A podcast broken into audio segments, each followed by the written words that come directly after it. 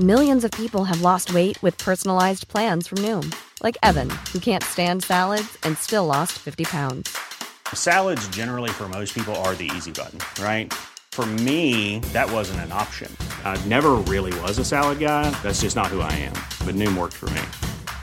Get your personalized plan today at Noom.com. Real Noom user compensated to provide their story. In four weeks, the typical Noom user can expect to lose one to two pounds per week. Individual results may vary.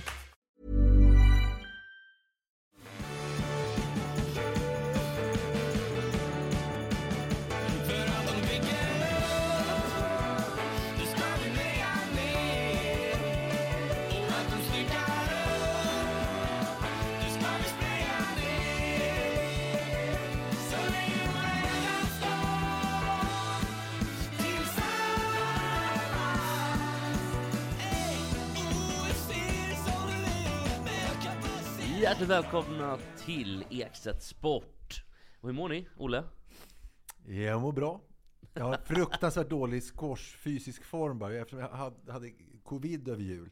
Och det sätter sig på kondisen. Så att jag Ja. efter ett par bollar är så, så är vikt som ett... eh, Vad, vilken bokstav är det om man står vikt i ryggen så här?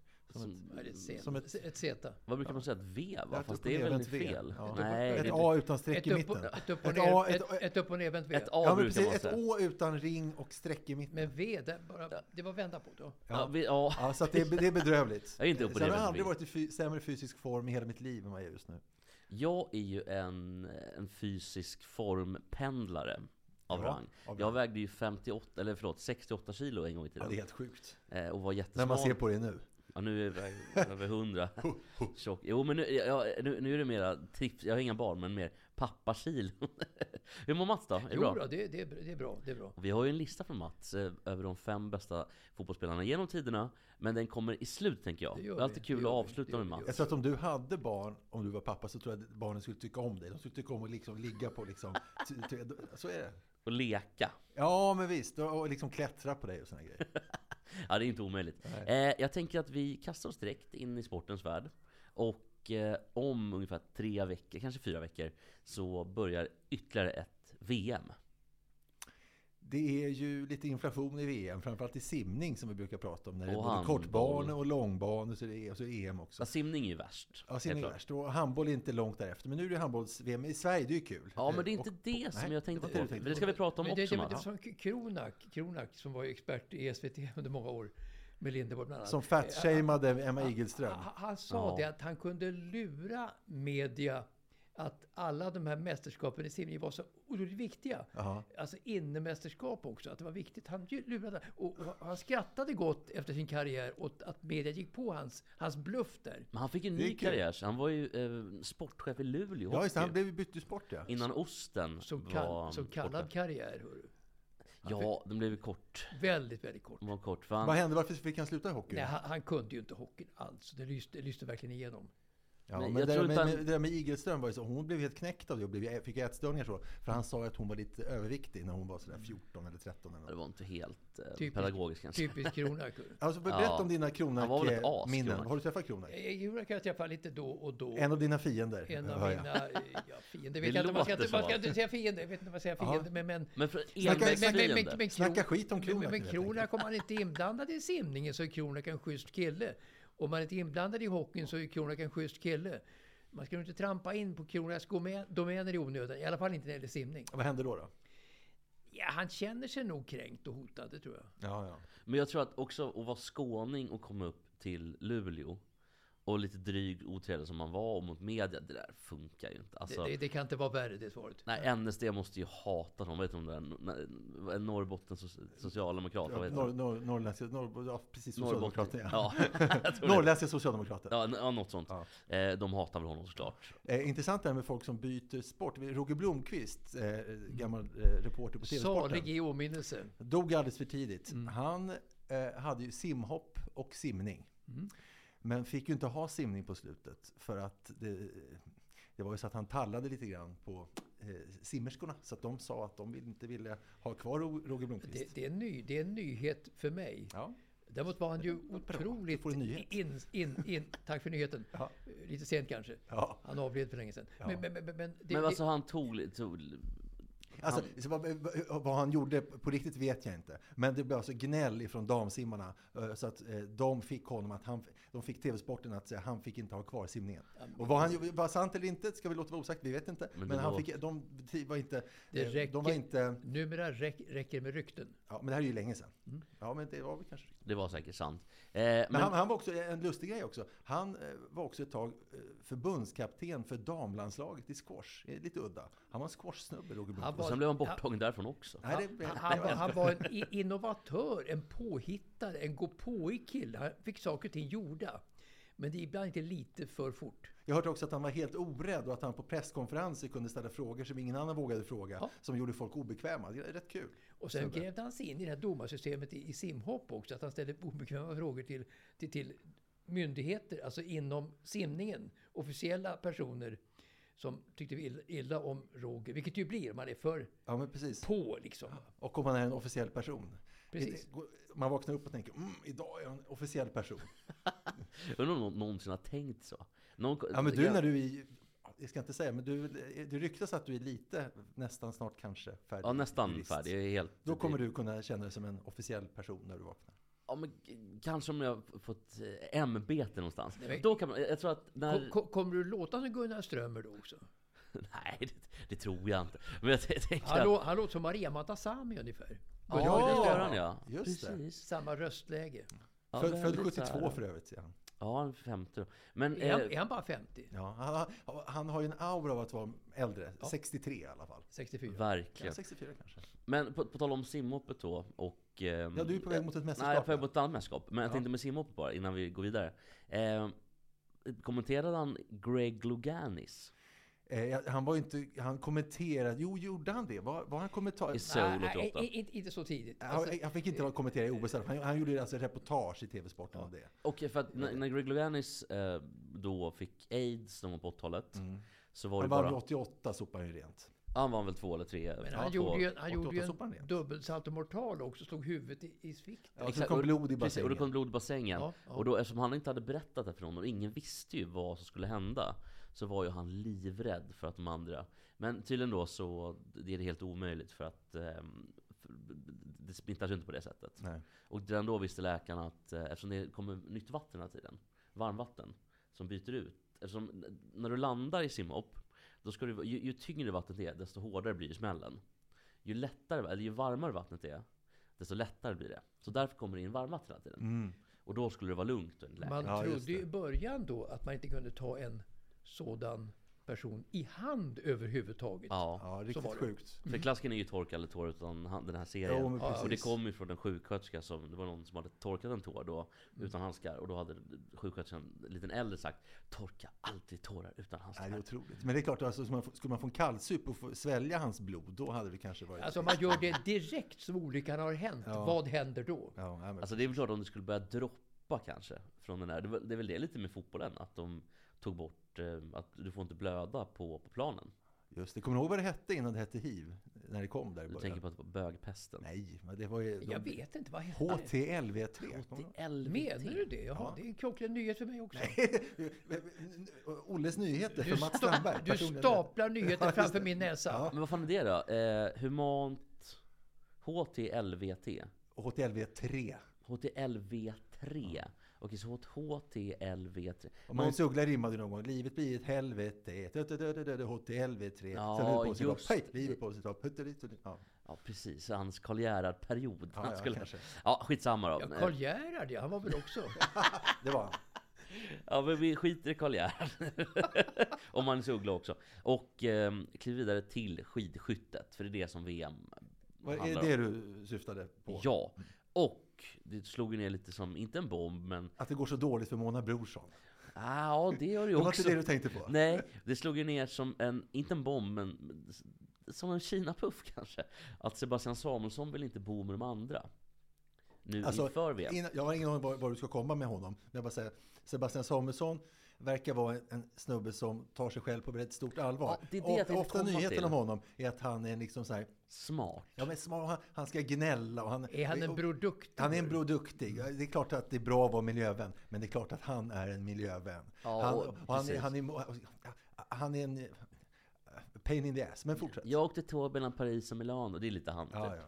Eh, nej men grejen är... Den, den låten ja. Ja. Men det, det Sebastian då ska, ska göra är att han vill inte bo med några andra för att det är någon världscuptävling i Antholz. Han gnäller mer än han har framgångar, så kan man säga. Ja, precis. Den här korrelationen. Han har varit lite bättre, han har fått gnälla mer. Precis. Men det är mer- bara Kalle Halvarsson som ska konkurrera, hörru, som är väldigt medioker och som beskrivs i pressen Ja. hela tiden. Och som blir citerad också, Kalle. Jo, men, men jag måste faktiskt slå, eh, heter det slå en lans för? Ja, dra för en det, lans. Ja, dra en lans. För det är så, eh, han, man har ju skojat honom i, om honom i många år för att han är så dålig eh, och sådär. Men nu låg han faktiskt, inför sista klättringen låg han tvåa. Och han ska faktiskt ha att han svarar alltid på frågor från journalister och han svarar ganska roligt. Han är lite, och, eh, han- han är inte så tråkig. Men så han är rolig i sammanhang. Jo, jo, men det är klart. Jo, det, men det är då- klart att vi pratar i ett sammanhang. Ja, absolut. Men, men Han, jag tänker han, på han, att, är, han är ingen Stenmark, han är rolig. Ja, precis. Och jämför då med Sebastian Samuelsson, som i och för sig är skitskytt då. Han är ju urtrist såklart. Ja. Han är ju tråkigare än Cecilia Dyringer. Nästan. Hon ska alltid få en känga. Där är ju Gunnar Strömmer ett fenomen i lustigheter. Ja. Fast jag tycker inte att en justitieminister ska vara rolig främst, utan han ska vara kompetent. Jag tycker Strömmer verkar ganska kompetent. Om än gammal. Han är ju mycket, jurist. mycket kompetent. Han är jurist också. Jo, jo, jag, tycker, jag tycker att justitieministern alltid nästan ska vara jurist. Det var roligt när hon, Karin Enström, blev försvarsminister och såg det som en, en merit att hon inte kunde någonting om försvarsfrågor. För då kan hon lära sig och gå in med öppna ögon. Reinfeldt sa samma sak, hörru. Det är ett särintresse. Ja, det jo, militära, precis. när, när de drog ner på anslaget till, till militären. Ja, det är också obegripligt. Men hur Tänk vad vi avbryter dig hela tiden. Ja men det gör ingenting. Eh, men han, vad tror ni anledningen är att han ska bo själv? Inför eh, Ja, det naturliga vore att han är rädd att bli smittad. Men han kanske tycker att de andra pratar för Det mycket. kanske, Nej, det är det kanske som, för, som för mig då, att jag vill inte bli avbruten i min sömn. Liksom. Alltså min sömn är så känslig, liksom för Sebastian Samuelsson. Har du en känslig sömn? Känslig sömn. Så, så att, eh, jag, det som alltså, aura på Mats? jag, jag är sömnrubbad. Ja. Ja. Eller, eller bara rubbad. Kommer taxin in ofta och stör dig när, du sover? Ja, alltså, I natt har jag sovit eh, distansen ut för första gången på jättelänge överhuvudtaget. Ja. Men det hade du förra veckan också Mats. en gång kanske. Just, just när vi har sändning här. Det, Ja, det stämmer att det känns, ja. jag tror att vi behöver den här sändningen allihopa. Jag kommer alltid ut med ett förnya, förnyad energi när jag har gjort den här sändningen. Men i vilket fall, så anledningen är faktiskt inte någon sån här klassisk anledning. Eller det har nog förekommit förut. Kom till skott. Det är bra att vi avbryter och skjuter upp det tiden och sen blir man lite, lite kom till skott nu. Poängen blir ju också jättedålig eftersom Ja, det, det, vi måste börja om med det. Ja, nej, det är så här att Se- Sebastian är lite fin i kanten. Och han tycker att det är jobbigt med hög höjd. Och i Antolt så är det på 1700 meter. Oj. Och då tror han att det tar sån tid att acklimatisera sig. Och då ska man acklimatisera sig tillbaka sen. Men vad har det med att, att bo ensam att göra? Nej, men då, då ska han bo då själv på låg höjd. Ja, Och åka upp. Jaha, tänkte att han, han låg i underslafen. Ja, just det, han bor i vi våningssäng. vitsig Nej, men då ska han då bo på låg höjd och Okej. de andra ska bo på hög Dagens höjd. Nyheter med Olle Palme och Dagens Skämt med Mats Strandberg. Och Välkomna. dagens avbrytningar, Jesper Ekstedt. Eller dagens blir av. Skitsamma, eh, skämt åsido. Det är väl lite, vad fan. Hur jävla känslig får man vara? Alltså, Ja, han är ju en tönt, kort sagt. ja han är väl kanske det. Men i alla fall. Men det kan väl vara så kanske också i en sån sport som skidskytte att det, äh, det, det gäller ju att liksom både skjuta och åka. Så att eh, jag tror att det kan vara känsligt. Eh, Uppladdningen inför en tävling, det, det kan jag tänka mig att det är. Jo, Speciellt, men det är om, klart att det är. speciellt om man har kanske en, oro i kroppen. Det Men tror jag jag. tänker de andra snackar ju om att bli liksom rimlen, de vill inte bli sjuka och sådär. Men där, han har ju någon sån här divalater att han, nej jag kan inte vara på hög höjd och det är jobbigt, jag förstår, jag, luften är jobbig. bla, Ja, bla, sen bla. imorgon ska jag skriva Bibeln. jag lovar att det kommer komma ett manifest av Sebastian Ja, men Samuelsson. Alltså, hans stora dröm det är att han ska bli lika framgångsrik som vår eh, skridskoåkare. som Van der Poel, ja. Ja. Och när han släppte sin träningsdagbok. Det är Samuelssons dröm att han ska släppa Ja. sin, Så han ska bli så framgångsrik, han får släppa sin ja, träningsdagbok. jag tror att han är skitsur. Ja, och ingen bryr sig ett skit som det är nu, om man säger. Men- nej, ingen... Men, men, men, men, men förra veckan, jag glömde att ställa en följdfråga då till er. Ni sa att Ja, van der Poel var något av ett riksarsle.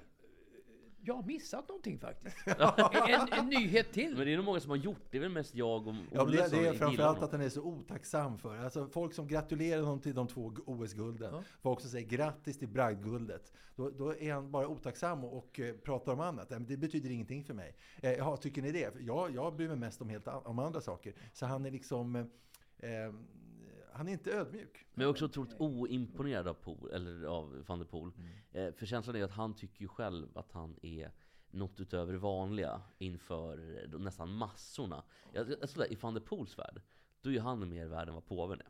Så är det, eh, verkligen. Och saken är att det, det må vara så att han tycker så på riktigt, men han bör ändå förstå att han bör vara artig. Så om det nu är så att han är ett arsle på riktigt, så bör han ändå hålla liksom lite utåt sig och säga tack så mycket, det var trevligt, Han är tack. Ja, jo, vad glad jag blir att du säger så. Han är beroende också av att han har många vänner som kan strössla jobb åt honom nu när han står på Ja, den här han ska leda plattformen något program, va? Ska han inte det? Ska han inte Jo, leda något TV-program? Han, han kan ju inte vara st- störst i kanten och tro att det här räcker, de här gulden, för det är ju snart glömt. Han måste gå vidare. Ja, det är Jo, men marginal. fatta, han kan ju åka runt och föreläsa om sin träning. Ja, men ska- ska- han kan göra det i Jo, många, jo men många det, det, det, det är snart glömt. Jag menar, Jo. det ska ändå vara en aktualitet Han- och det, så han, han är beroende av andra. Du ska ju vara programledare. han, och han är också med i spelreklam nu såg jag. Det, det, det rimmar inte riktigt. men Det hade han- inte Sebastian Samuelsson varit.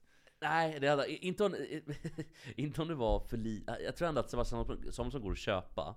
Men jag tror att han har nog ändå ganska hög integritet när det gäller pengar och spel. Ja, och så måste han hitta en bra ursäkt då om han tackar ja.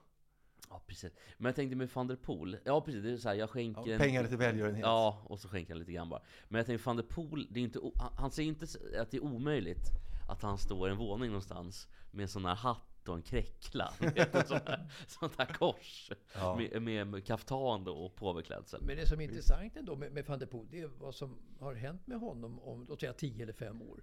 Vad, vad, vad, vad, hur gör han comeback? Just det, blir det en Gunde Svan historia tänker jag? Kommer han leda Bingolotto? För jag tror inte att han är så folklig i någon form av eh, högre medvetande.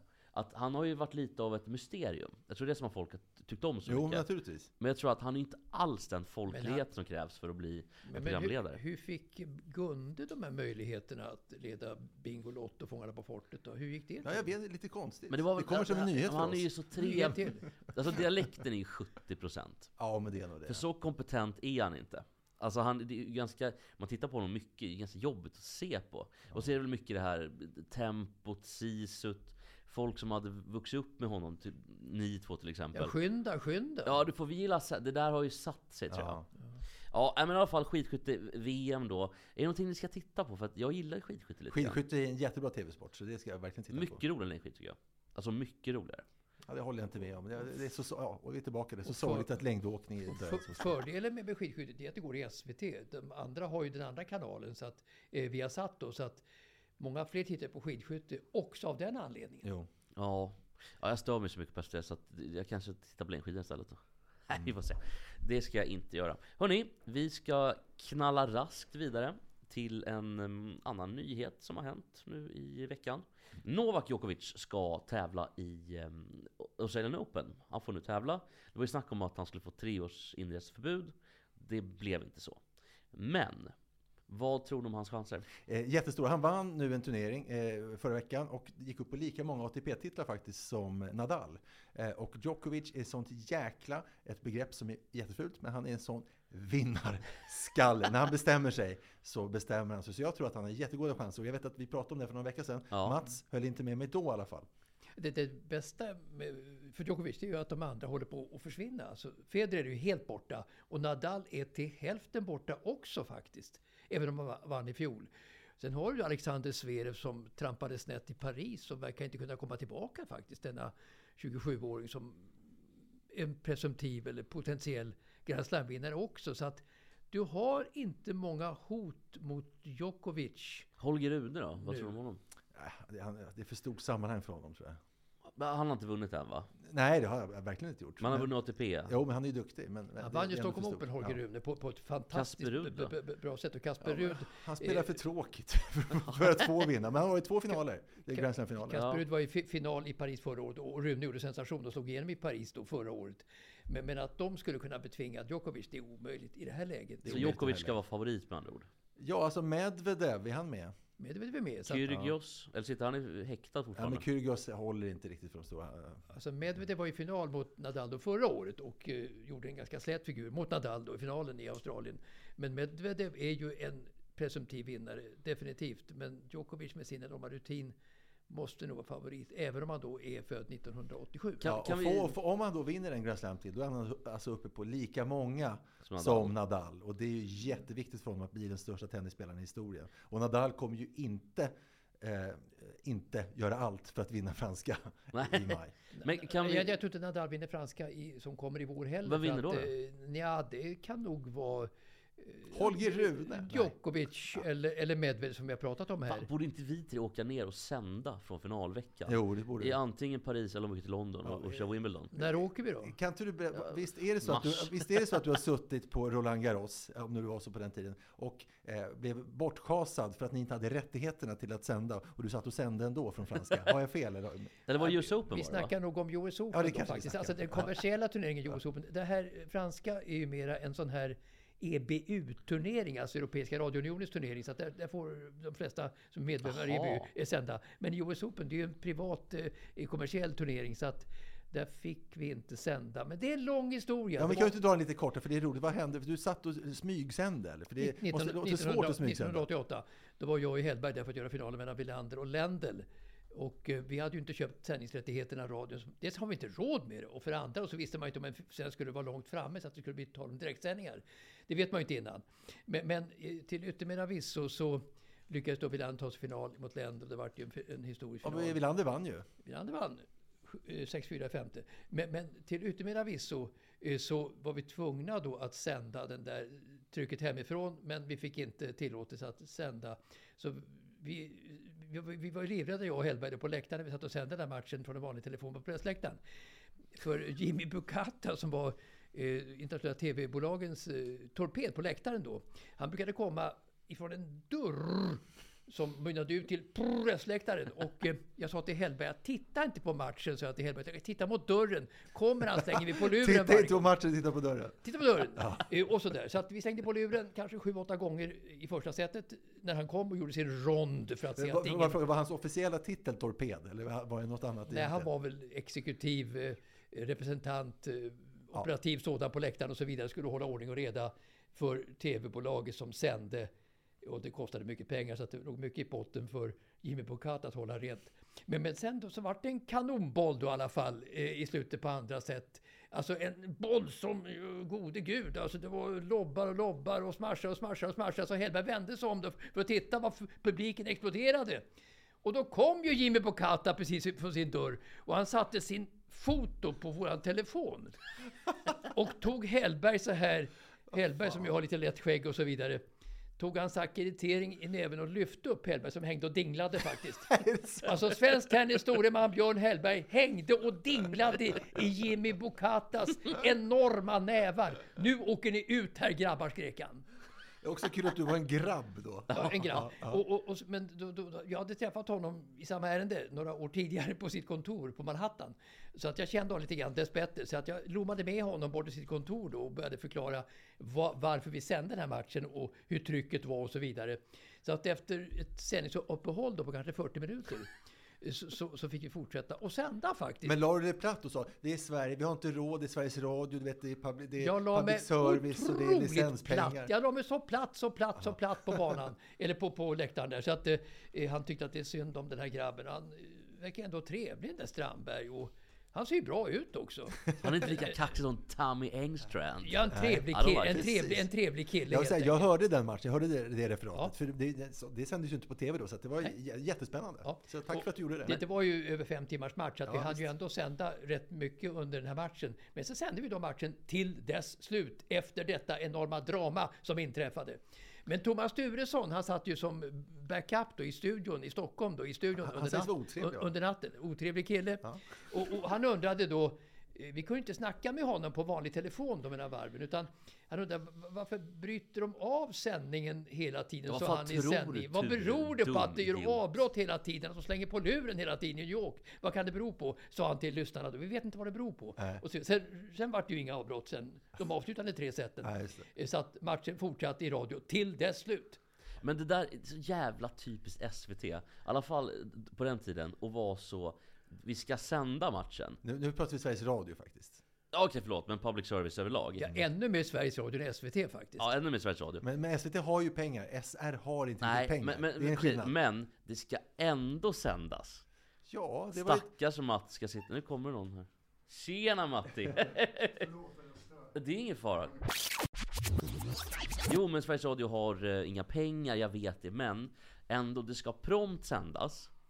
Men man vet att man inte får. Ja, men, men svenska En- folket vill ju se, eller höra, eh, länder mot, eh, mot, Jo, men man kan mot inte bara eh, Wilander. Det var också den sista eh, Grand Slam-turneringen för året. Och om Mats Wilander vann den så tog han tre stycken eh, på, av, av fyra möjliga under ett år. Och Småland vann ju Grand Slam det året för att, för att Edberg vann ju Just eh, Wimbledon. Jo, men så det var får stort! Man, men då får man ju pröjsa, för då får man ju be... Då får men man inte pengarna pengar. Nej, men det, det är då får man skita för. SR en omöjlig situation. Alltså SR med sin höga svansföring och sitter, sitter på sina enormt höga hästar tänkte att ingen kan väl stoppa oss. Tänker man i Stockholm då? Men det är det jag menar, inget kan en, stoppa oss. en futtig turnering i Amerika jämfört med detta gigantiska radiohus. Ja, men i praktiken Precis. så blir ju detta gigantiska radiohus du och Hellberg på en läktare. Så, och ni blir till och med upplyfta av en torped med en arm. Jo men ni, så mäktigt de blev ju också det nyttiga, de, blev, det var ju kanonmat Ja, för den här så- Jimmy visst. Bukata. Men, men, men, men alltså, de styrande i Stockholm tänker ju inte så. De tänker att SR, de dominerar ju världen. Alltså solen snurrar ju runt Sveriges Ja, det- Radio så i Stockholm. Så det tänker man definitivt. Men det var- ing- ingen kan ju stoppa oss. Men, men vi satt ju i en, i en hästklämsko då, jag och Hellberg, för att vi var tvungna att sända. Men fick inte sända, så att vi fick ta stryk. Och gjorde det också. Hästklämsko, aldrig hört det har uttrycket. inte jag heller. Länge sedan du sa Nimbus för övrigt. Ja, jag saknar det- det lite grann. Ja, Men eh, en annan grej bara med, ja, men förra veckan sa han ju Nimbus. Ja, ja, Vi jo, kom ju fram till att det var stjärnglass. Ja, stjärnglass. I, augusti ni- 22 sa jag Nimbus. Det har du sagt, du har sagt Nimbus hela hösten nämligen. men, men, och det tycker vi om. Men eh, jag kan bara berätta en grej med de här EBU som vi pratar alltså European Broadcasting Union. Union, eh, Union kanske man ska säga. Eh, de köper ju rättigheter. Är det dom och dom? Det är väl ett det? Det är väl en, en union? det är en organisation. Ja, det, är en, en det köper. Ja, okej, det Dom. köper Eller dom. de som jobbar på EBU köper. Kan, det kan du säga också. Nu, nu får du fortsätta. Man kan också säga så här, och, och, eh, familjen, är det, ett det?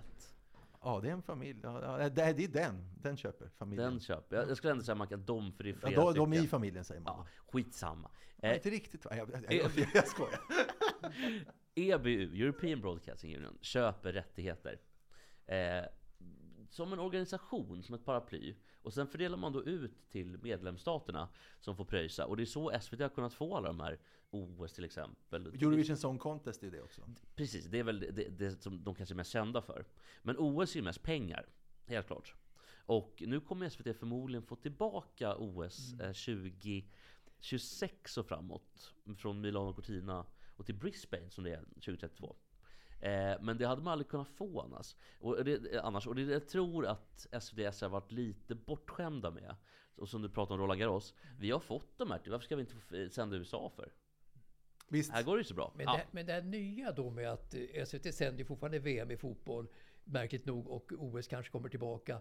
Det är ju av politiska skäl liksom att eh, de styrande i EBU har ju drivit igenom då med benäget bis- bistånd att de största turneringarna ska inte eh, stängas in eh, med betalning, eh, alltså i små kanaler, utan det ska alla kunna se. Så att det, Men det är faktiskt i, eh, när det gäller OS i alla fall. Jag, jag, har, ju- jag har faktiskt skrivit en uppsats om det, alltså det är därför jag kan lite grann. Annars hade jag inte kunnat någonting. Kör på, nu ska vi inte alls avbryta. Du får tio där- minuter. där där lite, kör på. lite så här, för att IOK har, säljer ut rättigheterna. Antingen, det är ju ett anbudsförfarande, så man säljer ut dem antingen för sig, alltså per region, eller till ett land. Man kan sälja till USA, då jag tror att det är CBS som har köpt det för så här 70 miljarder kronor eh, till CBS på, på en åttaårsperiod, eller om det var 12 år. Eh, och eh, EBU då, som egentligen gav mindre pengar, man hade kunnat fått mer om, än till exempel Discovery som köpte det. Men sponsorerna är så pass viktiga för IOK då tycker man ändå att det finns ett värde i att sända inför fler eh, människor. Just det. Så man har ändrat lite, Ja, men det kan man väl förstå. Ja, verkligen. Så nu, nu kommer man ju kunna sälja spons då fram till, de kanske redan gjort det, men fram till Brisbane, då kommer man kunna säga att här har ni 750 miljoner tittare, eller här har ni just 500 miljoner tittare, eh, in med stålar. Ja, när vi ska tillbaka till Australien. Och eh, Novak Djokovic ville då inte vaccinera sig och han fick som sagt inreseförbud. Men Nu säger då Craig Tiley, eller Tiley, som är VD i um, Tennis Australia. Han har lovat att om folk buar ut Djokovic, då kommer de bli utkastade. Det tycker jag är Boom. jättebra. Det är väl en bra grej? Eller är det en dålig grej? Vad tycker du om det? Det tycker jag också är bra. Men kommer de verkligen bua ut honom? Alltså, Ja, det finns en farhåga för det i folket i Australien var svältfödda på världsstjärnor i tennis under många år. Ända till den moderna eran bröt in. Det var ju en det var ju en tävling för australiensare egentligen bara under många år, Australian Open. Men, men nu har det blivit en världsomspännande tävling. Så att man är rädd att inte få de bästa, och Djokovic är ju den bästa.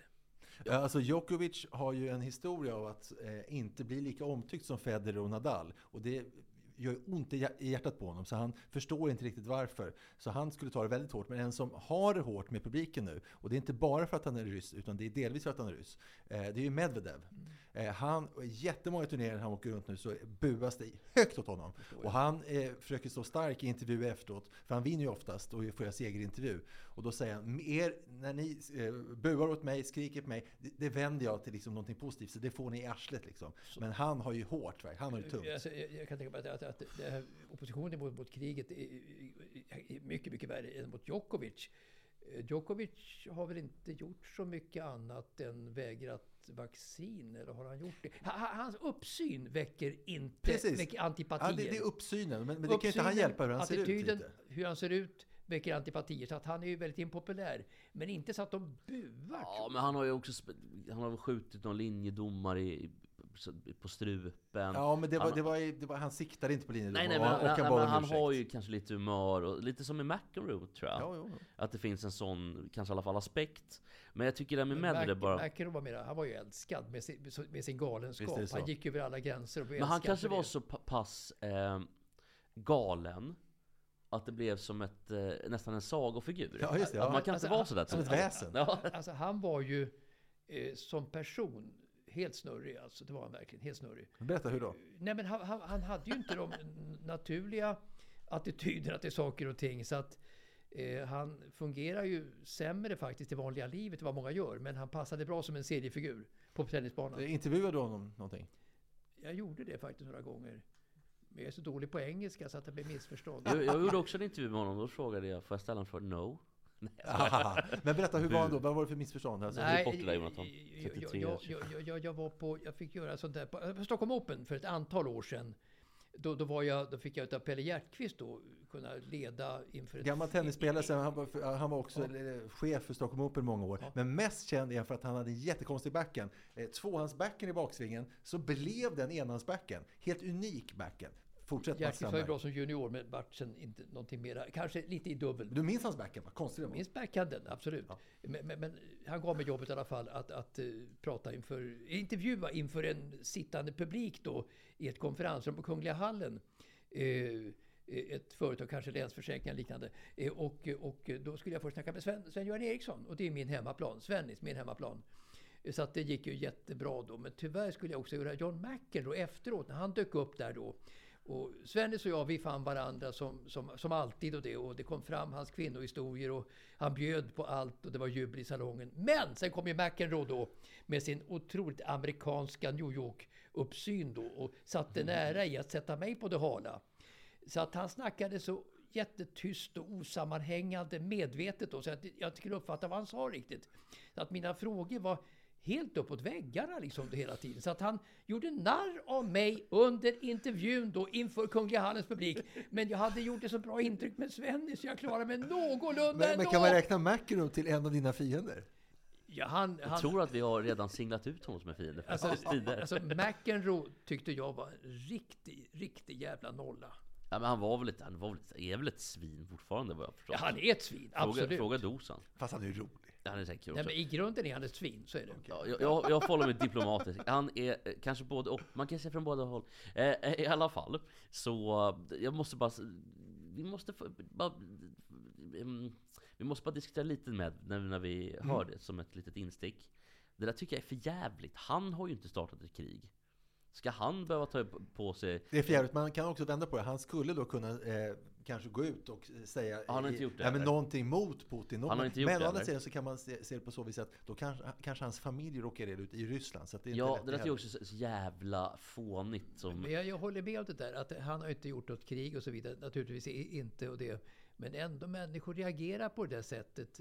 Och tysketöser i Norge, deras barn hade ju inte gjort ett dugg alltså, som blev hatade i ju Norge för jävligt. efter andra världskriget. Och det är ju ännu värre. Men den, att de skriker åt Medvedev, det är också fruktansvärt för att han är oskyldig. Ja, för, för så här, det är ju mänskligt att man har, får den reaktionen.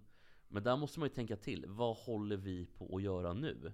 Nu håller vi på att göra exakt samma sak Precis. Som vi tycker är för jävligt, vilket också är för jävligt. Men, men det är så lätt att säga som svensk, man sitter och poddar kanske, eller man sitter och dricker bira. Fy fan, Ovechkin, eller nu var ju kanske han.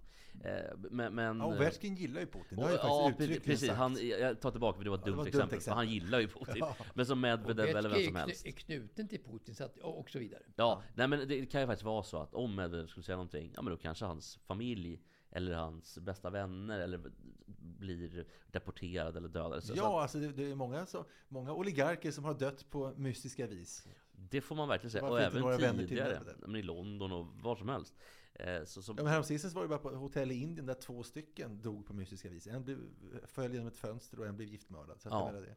så de är ju ute nu, Hur, går FSB det, eller hur, hur går det till då? Han faller från ett fönster. Vilka Ja, fixar, men det, är väl James, det är väl James Bond-typer? vilka fixar det? Den här Craig. Vi- vi- Vilka, vilka, vilka fixar det? Vet hur, vem går- det är? hur går det till? Ska jag berätta för dig? Jimmy Bukata. och hyrt in honom. Eh, nej men i alla fall, eh, tillbaka då till Djokovic. Och eh, ni, ni tycker ändå, fan man ska inte hålla på och bua och skit. Det, så jävla mycket har ju inte gjort. Man måste väl också respektera att folk tycker att det är läskigt med vaccinet och allt vad det är. Även om, för det är väl därför de inte vill. Ja, ja, men det är också som Mats var inne på, hans uppsyn. Men det, som, som sagt, han kan inte hjälpa hur han ser ut. Nej, ja, men då är bra då av den här eh, Craig Tiley helt enkelt. Eh, jag tycker vi går vidare helt enkelt. Och eh, vad vill ni prata om? Ska du inte vi- fråga Olle, har du något idag? Ja men det var precis, ska vi prata om ehm, det Olle har? Ja, men vad trevligt att du frågar. Ja, Det är så här va, att idag är lite speciellt.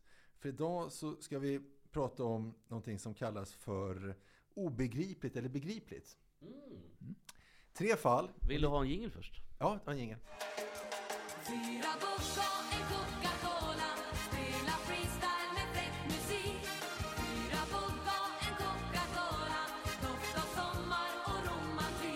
Jag blir glad av den där vignetten. Visst Det blir man det? Kul vad, he- egen vignett. vad fan hette det sen när de var i... Eh, Rock'n'roll och Boogaloo. Fy fan vilken Ja, dålig... för det fick ju inte heta det, för reklam för Coca-Cola. När det blev. Vilken fy fan Ja. vilken dålig Ska, måste jag ha en ny vignett eller får jag prata? Tack så mycket. Tack så mycket. Eh, obegripligt eller begripligt? Eh, tre fall. Och ni ska hjälpa mig och lyssnarna att avgöra om vart och ett av dessa fall är begripligt eller obegripligt. Okej? Mm. 1. Dam-VM i bandy ska avgöras i Växjö nu i mars. I förra årets VM-final så vann Sverige mot Norge. Och nu så har det kommit ett besked som slår ner som en bomb i dambandyvärlden åtminstone. Och det är att fjolårsfinalisten Norge hoppar av årets VM. Oj.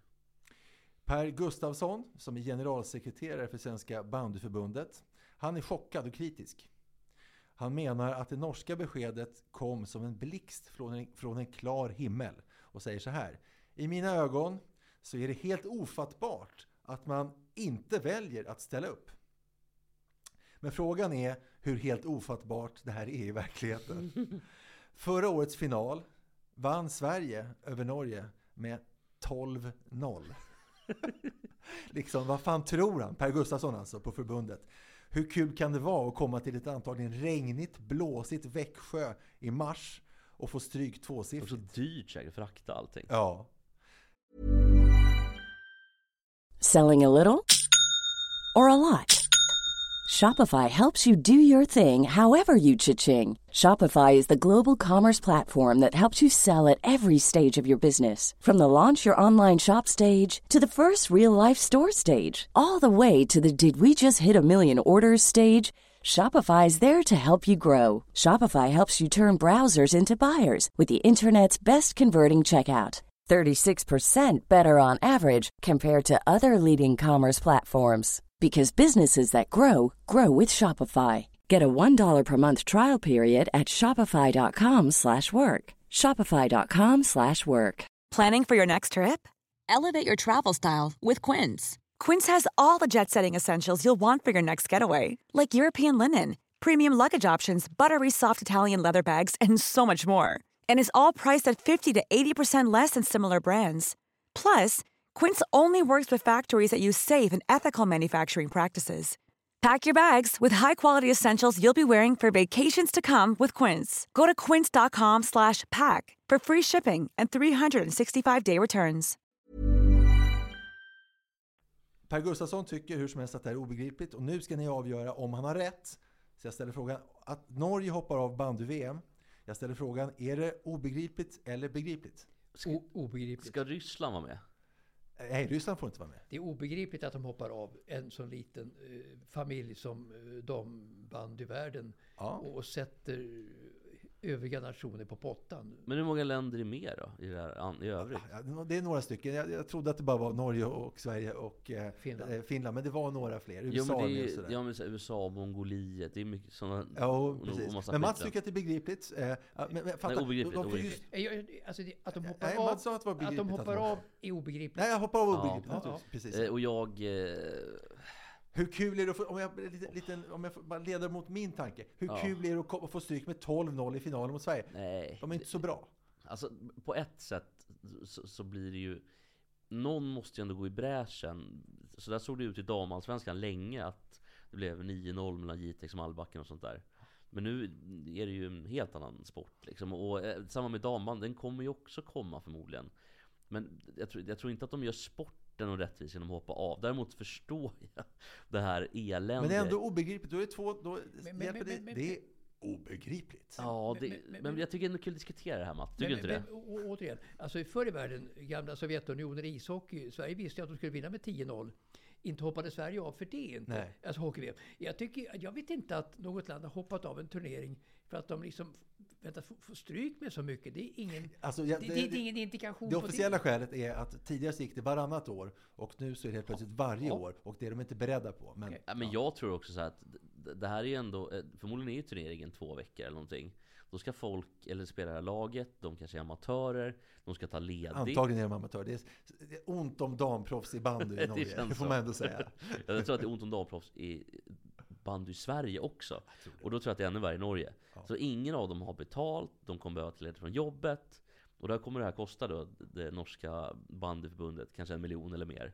Och därför så, av ekonomisk skäl så tycker jag nog ändå kanske att det är begripligt. Ja, jag är lite Ja, olika. är lite, Alltså, ekonomiska skäl har aldrig tidigare varit en grund för att hoppa av en turnering på det här sättet. Att de då kanske förlorar arbetsförtjänst och sådär. Det, det, det finns Ja, inte jag, jag tycker Mats argument var starkare så att jag tycker vi landar i obegripligt ändå. För jag har ingen röst i det här. Jag är bara the messenger. Men vad var det fel på mina argument då? Vad sa du? Vad var det fel på mina argument då? Ja, det är inte lika starka bara. Att, de, in- att, eh, att folk inte har någon... De, bandyförbundet, de, de, det, är Det var har väl inga okej. pengar. Det var väl okej. Okej, det var mer så att jag tyckte det var roligare om Mats skulle få. Ja men då säger vi att det var obegripligt. obegripligt. Ja, obegripligt. Okej, Ni- till nummer två. Ja. Ja. Frågan om vad för någonting som kan definieras som sport är evig och svår att svara på. Vi har varit inne på det några gånger, men jag säger gång till exempel är en sport. Ja. Definitivt. Enligt Ja. Saul i alla fall. Eh, Schack, Nej. Mats, säg något. Men vi har ju, jag tror vi, vi ja, pratade om det här för alltså, Jo, jag, det här är bara ingången. Alltså, sport, sport i väldigt, väldigt vid mening. Dart, Sport Också mera, mera än schack, också i vid mening. matlagning, Nej. Ja, det Ja, enormt vid mening. Det är någonting, alltså sport det är ju kanske att man mäter sina krafter Ja, mat, lite med någonting. andra. Så För, att, för man tävlar i alla fall i mat. Det är Ja. massa ma- matprogram på TV. Där det är liksom. Mästerkock och Cook sådär. along. Ja, men, men precis. Och man tävlar också om världens främsta restauranger med så Michelinstjärnor som ni vet. Och en restaurang som vid hela fem tillfällen har utsetts till världens allra främsta restaurang, Noma i Köpenhamn. Eh, utsågs till världens bästa restaurang första gången 2011 och sen, nu senast 2021. Eh, den ska jag lägga ner, det, det slår igen. Grundaren René Redzepi, en av världens kändaste kockar eh, som sägs både ha skapat det nya nordiska köket och samt har lyckats sprida det runt om i världen. Eh, han säger att det är slut. Eh, till tidningen New York Times så säger han så här att driva lyxkrog har ett pris och kalkylen går inte längre ihop. Livet som krögar har inte alltid gjort honom rik eftersom han alltid strävar efter de bästa, allra bästa råvarorna. Frågan är nu hur konstigt det är att kalkylen inte går ihop. På Nomas meny så återfinns nämligen rätter som granskott, ankhjärna och renpenis. liksom vad fan tror han? René Redzepi alltså?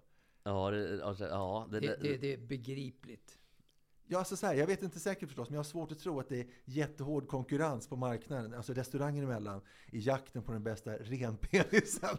Men, men att, att, att, det inte går ihop, Nej. att det inte går ihop riktigt, speciellt i dessa tider, det är mycket begripligt. Men, men också det är klart att eh, och, och, alltså, hur bra råvaror man än köper att du ska, och hur många renpenisar säljs det? ju Ja, det. jag menar då hur konkurrensen på marknaden, alltså hur Exakt. många ankhjärtan. Jag vet, det är mitt ankhjärta! Eller ankhjärna, förlåt. Det är min ankhjärna. Ja, du kan ju inte sälja liksom en, en kvantitet. Du köper inte in en lastpall med ren kuk. Nej, så att Lyxkrogen Noma tvingas slå igen. Jag ställer frågan, är det obegripligt eller är det begripligt?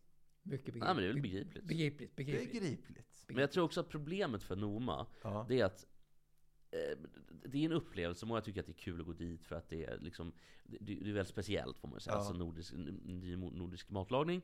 Eh, Men det är ju inget som folk kanske kommer dit två gånger för att äta. Om du jämför med Franzén till exempel som är väldigt populärt Mm. Eller en annan som inte har Michelinstjärna men Hantverket i Stockholm. De har ju fullt jämt Men det är ju fin, det är liksom fine dining fast det är på ett begripligt sätt Det här är ju ganska obegripligt med, med granskott och Ja. det, det, är, jag tror det lockar liksom inte mer än den väldigt, väldigt kulinariskt Ja, det bevandrade lock- lockar inte mig om jag ska Nej, vara lite det- transparent. Nej, precis. Och jag tror att det lockar heller inte människor med väldigt mycket pengar. Det kan du göra det kanske en gång för att det är en kul grej. Men det är inte den här liksom, för många lyxkrogar har ju rika stammisar. Och det är ju viktigt för att ha, få ihop det liksom. Vet ni vad? Det står 1-1 mellan begripligt och obegripligt. Ja. Det är så spännande, för nu ska det avgöras. 3. Svenska herrlandslaget i fotboll är ute på den årliga januariturnén. Eh, Och mötte för några dagar sedan Finland, eller hur? Vad blev det? 2-0. 2-0 till Sverige, precis. På kvällen visades ett litet inslag från matchen i Sportnytt. Och så här slutade inslaget, eh, som jag ska spela upp. Lite dåligt ljud, men det går nog att höra ändå. Burväktaren Leopold Wahlstedt fick hålla nollan i landslagsdebuten. Slutresultat 2-0. Slutresultat 2-0 fick vi höra där. Efter inslaget så kommer vi, i- så kommer vi in till studion, eh, TV-sportstudion, och kvällens programledare Cecilia Ingman. Eh, och eh, så här säger hon då. Och på plats i Portugal SVT Sport-reporter Johan Kücükaslan och fotograf Viktor Wedin och Sveriges förbundskapten Jan Andersson. Va? Nu säger hon alltså att tittarna ska få komma tillbaka till samma fotbollsplan som vi var vid vid inslaget nyss. Alltså inslaget eh, då innan programmet Cecilia Ingmans insats i studion som var nio sekunder lång och där hon alltså informerade tittarna om tre saker. Hon sa att TV-sportens reporter Johan Kücükaslan är på plats. Hon sa att TV-sportens fotograf Viktor Vedin är på plats. Och också att förbundskapten Jan Andersson är på plats. Det är alltså exakt samma information som man direkt efter hennes nio sekunders långa insats i studion ser i bild själv med egna ögon. Vi kan väl spela upp hur det låter då. Många debutanter i den eh, startelvan. Trots det så blev det ändå en seger med 2-0 och jag gissar på att ni har en nöjd förbundskapten Jan Andersson, eller vad säger du? Jag är jättenöjd att spelarna så snabbt anammat Så vi inte bara hör eh, Johan Kücükaslan, för att det gör vi ju nu, men också eftersom det är TV så ser vi också Johan Kücükaslan. Eh, och eh, vi, ser, vi förstår, eftersom vi ser Johan Kücükaslan så förstår vi också att det är en fotograf på plats. Men vad fotografen heter, det skiter man ju blankt i förstås. Eller hur? Ja, Ja, och vi ser ju också förbundskapten Jan Andersson. ja. Ja, och, eh, och den som då eventuellt inte vet vem Jan Andersson är blir upplyst om det eftersom man får se en liten textruta där det står Jan Andersson. eh, Jan Andersson. Det finns ju en, väl etablerad eh, tumregel i TV att man inte ska säga det som, som ändå syns i bild. För då får man liksom tittarna att känna sig fördummade. Så att Sportnytt går in då till programledaren Cecilia Ingman mellan matchreferatet och intervjun med Man- Jan Andersson. Jag ställer frågan, är det obegripligt eller är det begripligt? Eh, Jag tycker det, det, det mest obe- obegripliga, det jag skrattade lite grann åt, Ja. det var att eh, SVTs syftningsfel. Jaha. Man kan lätt förvirra, det kan lätt bli förvirrande att de säger, ja, och där var alltså Johan Kucku Karsland som är reporter, eh, och sen var det den här fotografen, och sen Jan Andersson, som att han jobbar på SVT. som att han är med i Det, det, det, produktionen. det, det, tänkte, det tänkte jag också på. Men jag tycker att det är begripligt hur de brukar jobba där på SVT Sporten. Jag väntar mig ingenting annat än, den här, än den här typen faktiskt av grejer. Men jag skrattar åt att Janne kne, eh, eh, samlas ihop med, med deras Och visst var reportrar. det kul? Det, det var, jag, Jo, men det det jag tycker att det är så jäkla sjukt. De har haft ett eh, inslag från matchen. Och sen så kommer de till studion där hon säger att reportern där eh, och fotografen där och ska intervjua Janne Andersson där. Och så kommer man tillbaka och så händer precis det. Vad 17, det är bara att ta bort de sekunderna. Så klipp på direkt intervjun. Ja, men det, det är det dummaste jag har varit med om. Men, det är det dummaste jag, har- det- det, är det dummaste jag har hört. Det det är det dummaste jag sett. det är dumt men begripligt. Men om det hade varit renare så hade de ju det här är Johan Kukikarsland från Portugal och så har de pratat, eh, jag står här med Jan Andersson och så har de en liten textruta som du säger och fotografen är skitsamma. Sen kan man ha det i eftertexterna, för det brukar de ju ha på i alla fall fyran, att man de berättar, där var exekutiv producent, var den och så Jo, jo, men de där. hade kunnat snurra, alltså direkt på inslaget så hade de kunnat lägga, eh, alltså då hade de kunnat ta Johan Kücükaslan i bild eh, där han börjar prata med, med eh, Jan Andersson. För då först, man hör ju att det är Johan Kücükaslan, man ser honom, man vet att det är en fotograf som är på plats eftersom man ser det i TV och man ser Jan Ander- Andersson. Det är, alltså, det är tre eh, informationsdetaljer som är helt onödiga. Det är kanske SVTs om man- eh, eh, nio onödigaste sekunder någonsin, den mellanpå. Men det är så typiskt SVT faktiskt. Det var jättekonstigt. det är så typiskt SVT ändå att man gör på det sättet. För att de har en historia utav, av den här typen utav grejer tycker jag. Så att jag tycker att det är begripligt. Det är begripligt ur kontexten då så att säga. Ja, nej men jag kan tycka att ur eh, det stora då, till, då är det obegripligt. Men, men kanske om man då ser, väldigt snävar in ett SVT begripligt. Ja. Men då säger vi obegripligt tycker jag. Ja, fast du sa att det var begripligt. Jag tycker det är begripligt med, med, med tanke på att jag har tittat så mycket på SVT Sport under så många år. Så jag känner igen Jo, men då tycker du det är begripligt utifrån att du har låga förväntningar på dem. Just Men i själva verket så är det ju obegripligt. Vad heter det? De låga förväntningarnas någonting? Ja, tyranni. Tyranni. Låga, ja, eller låga förväntningar. Rasism finns det också. Ja, men det, finns det också. Ja. Tyranni. Ja. Ja. Men, men, för mig, återigen, som har levt upp på SVT Sporten under många år, så väntar jag mig inte så mycket annat. Så för mig är det begripligt. Ja, men då, jag ska ändå säga att det, är att det är avgjort då. Det är 2-1 till obegripligt här. Då vinner obegripligt med 2-1. Fyra bugg och en Coca-Cola Spelar freestyle med fräck musik Fyra bugg och en Coca-Cola Av sommar och romantik Alltså, jag undrar, tack Olle för ett väldigt kul eh, segment. Men jag undrar när jag hör den här låten, eh, när, jag hör, när man ser klippet då. Jag undrar om inte, om det är SVT i det här fallet, eller om det är kanal 5 som det visas i första gången. Eller andra gången. Har de klippt in, eh, alltså fyra burk Coca-Cola, själva? För att det ska låta sämre än vad det är. För det är en typ så här Filip Fredrik de skulle kunna göra. Är det, Ja. är det så? Det, jag inte tänkt på det faktiskt. Jo, men, ja, men på riktigt så lär det väl bara ha varit i hans lurar. Så det är klart att de har lagt på. Ja, men så måste det ju vara. Ja, jag, precis. Jag tror Ja. att de har fulat till det där för att det ska vara extra kul. så är det. Och de är ju, de är ju jätteskickliga de klipparna som Men, de har men, jobbat men med att såklart. Kåre Willoch förlorade valet för att han sjöng i norsk radio, det är en nyhet för mig Ja, det är en också. nyhet för mig också. Kåre Willoch var ju den som slog Gro Harlem Brundtland i valet i början på 80-talet. Det är den femte nyheten för mig idag. Ja, och vet du vad? Nu kommer en sjätte. Jag tror att han lever fortfarande. Okej.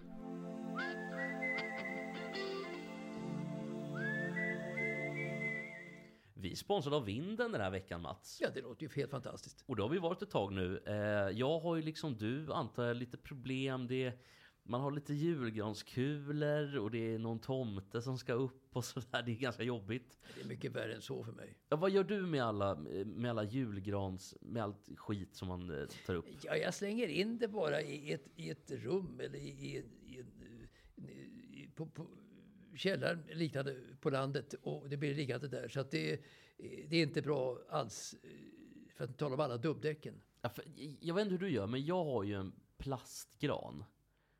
Har du också, eller kör du vanlig gran? Ja, vi har ju haft vanlig gran och det, det drar ju in väldigt mycket små kryp och sådär. Så att det blir svårt att eh, fixa det i efterhand och det. Men eh, plastgran är nog bättre än vanlig gran i mitt facit. Ja, och det som är jobbigt bara, för att det, det, det blir aldrig eh, helt lugnt med någonting. Men det som är bra med ehm, eh, en plastkran, det är att man slipper ju allt barr och allt sånt där. Men det jobbiga är när man ska eh, få ut skiten sen och upp skiten från källan eller vinden. Då kan man kontakta Vinden. Vinden är ett företag som är som ett extra källarförråd. Men med hämtning och lämning. Så man går bara in på antingen Vindens app eller Vindens hemsida. Du klickar i vad vill du lämna eller vad vill du hämta. De kommer och hämtar eh, upp allting. Vinden magasinerar allting. Och då, till exempel om du har en julgran, så tar de hand om, om förrådsgöret. Det är suveränt. Ja men det är suveränt. Och eh, man kan ju också säga det, det är inte dyrt alls. Mm. Det kostar 25 spänn för en flyttlåda. Där kan du få i allt eh, bjällerklang. Kalas. Det är alltså 10, 10 flyttlådor. 250 spänn. En fåtölj 125 s- eh, kronor. En golfbag 70 spänn. Fyra däck en hundring till dubbdäcken och och så vidare. Vinden finns i Göteborg, Malmö, Stockholm. Och vill du ha hjälp att flytta, då är vinden också behjälpliga. Och det kan till exempel vara under renovering, det kan vara när du måste flytta in eh, och inte kan flytta in än. Då kan vinden ta hand om dina grejer så bor du på hotell resten av tiden. Men vi säger tack till vinden.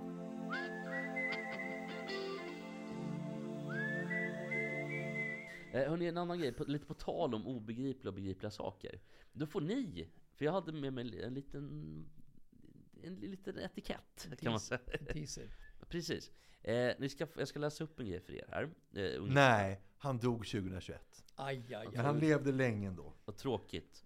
Men jag läser upp ändå då. Man får aldrig vara riktigt glad. över. Ja, ni får vara riktigt glad. Men nu ska ni få bli glada. Det är nämligen så att det är en... ehm, jag läste i Mitt i häromdagen, på tal om parkeringar, för det har ju alltid varit en, en stor ehm, fråga i, liksom, i vet du, preproduktionen. Ja, här, för Mats kommer alltid Ja, och alltså, det är svårt att hitta Ja, parkering. det är en Ja. så stor, alltså parkering är en så stor fråga för mig så det är otroligt. Alltså, mitt liv kretsar egentligen bara från, eh, från, jag menar, från det att jag slår upp ögonen till att jag somnar. Ja, det är parkering bara. Och en jobbig tax. Ja, Ja, numera en jobbig tax, men tidigare bara parkering. bara parkering ja. Och eh, då är det en arg gubbe med keps som har skrivit in. Det kan vara jag. Nej, ja, jag tänkte faktiskt på det när jag läste det här. Eh, då står det så här. Eh, jag tog bilen för att storhandla förra veckan.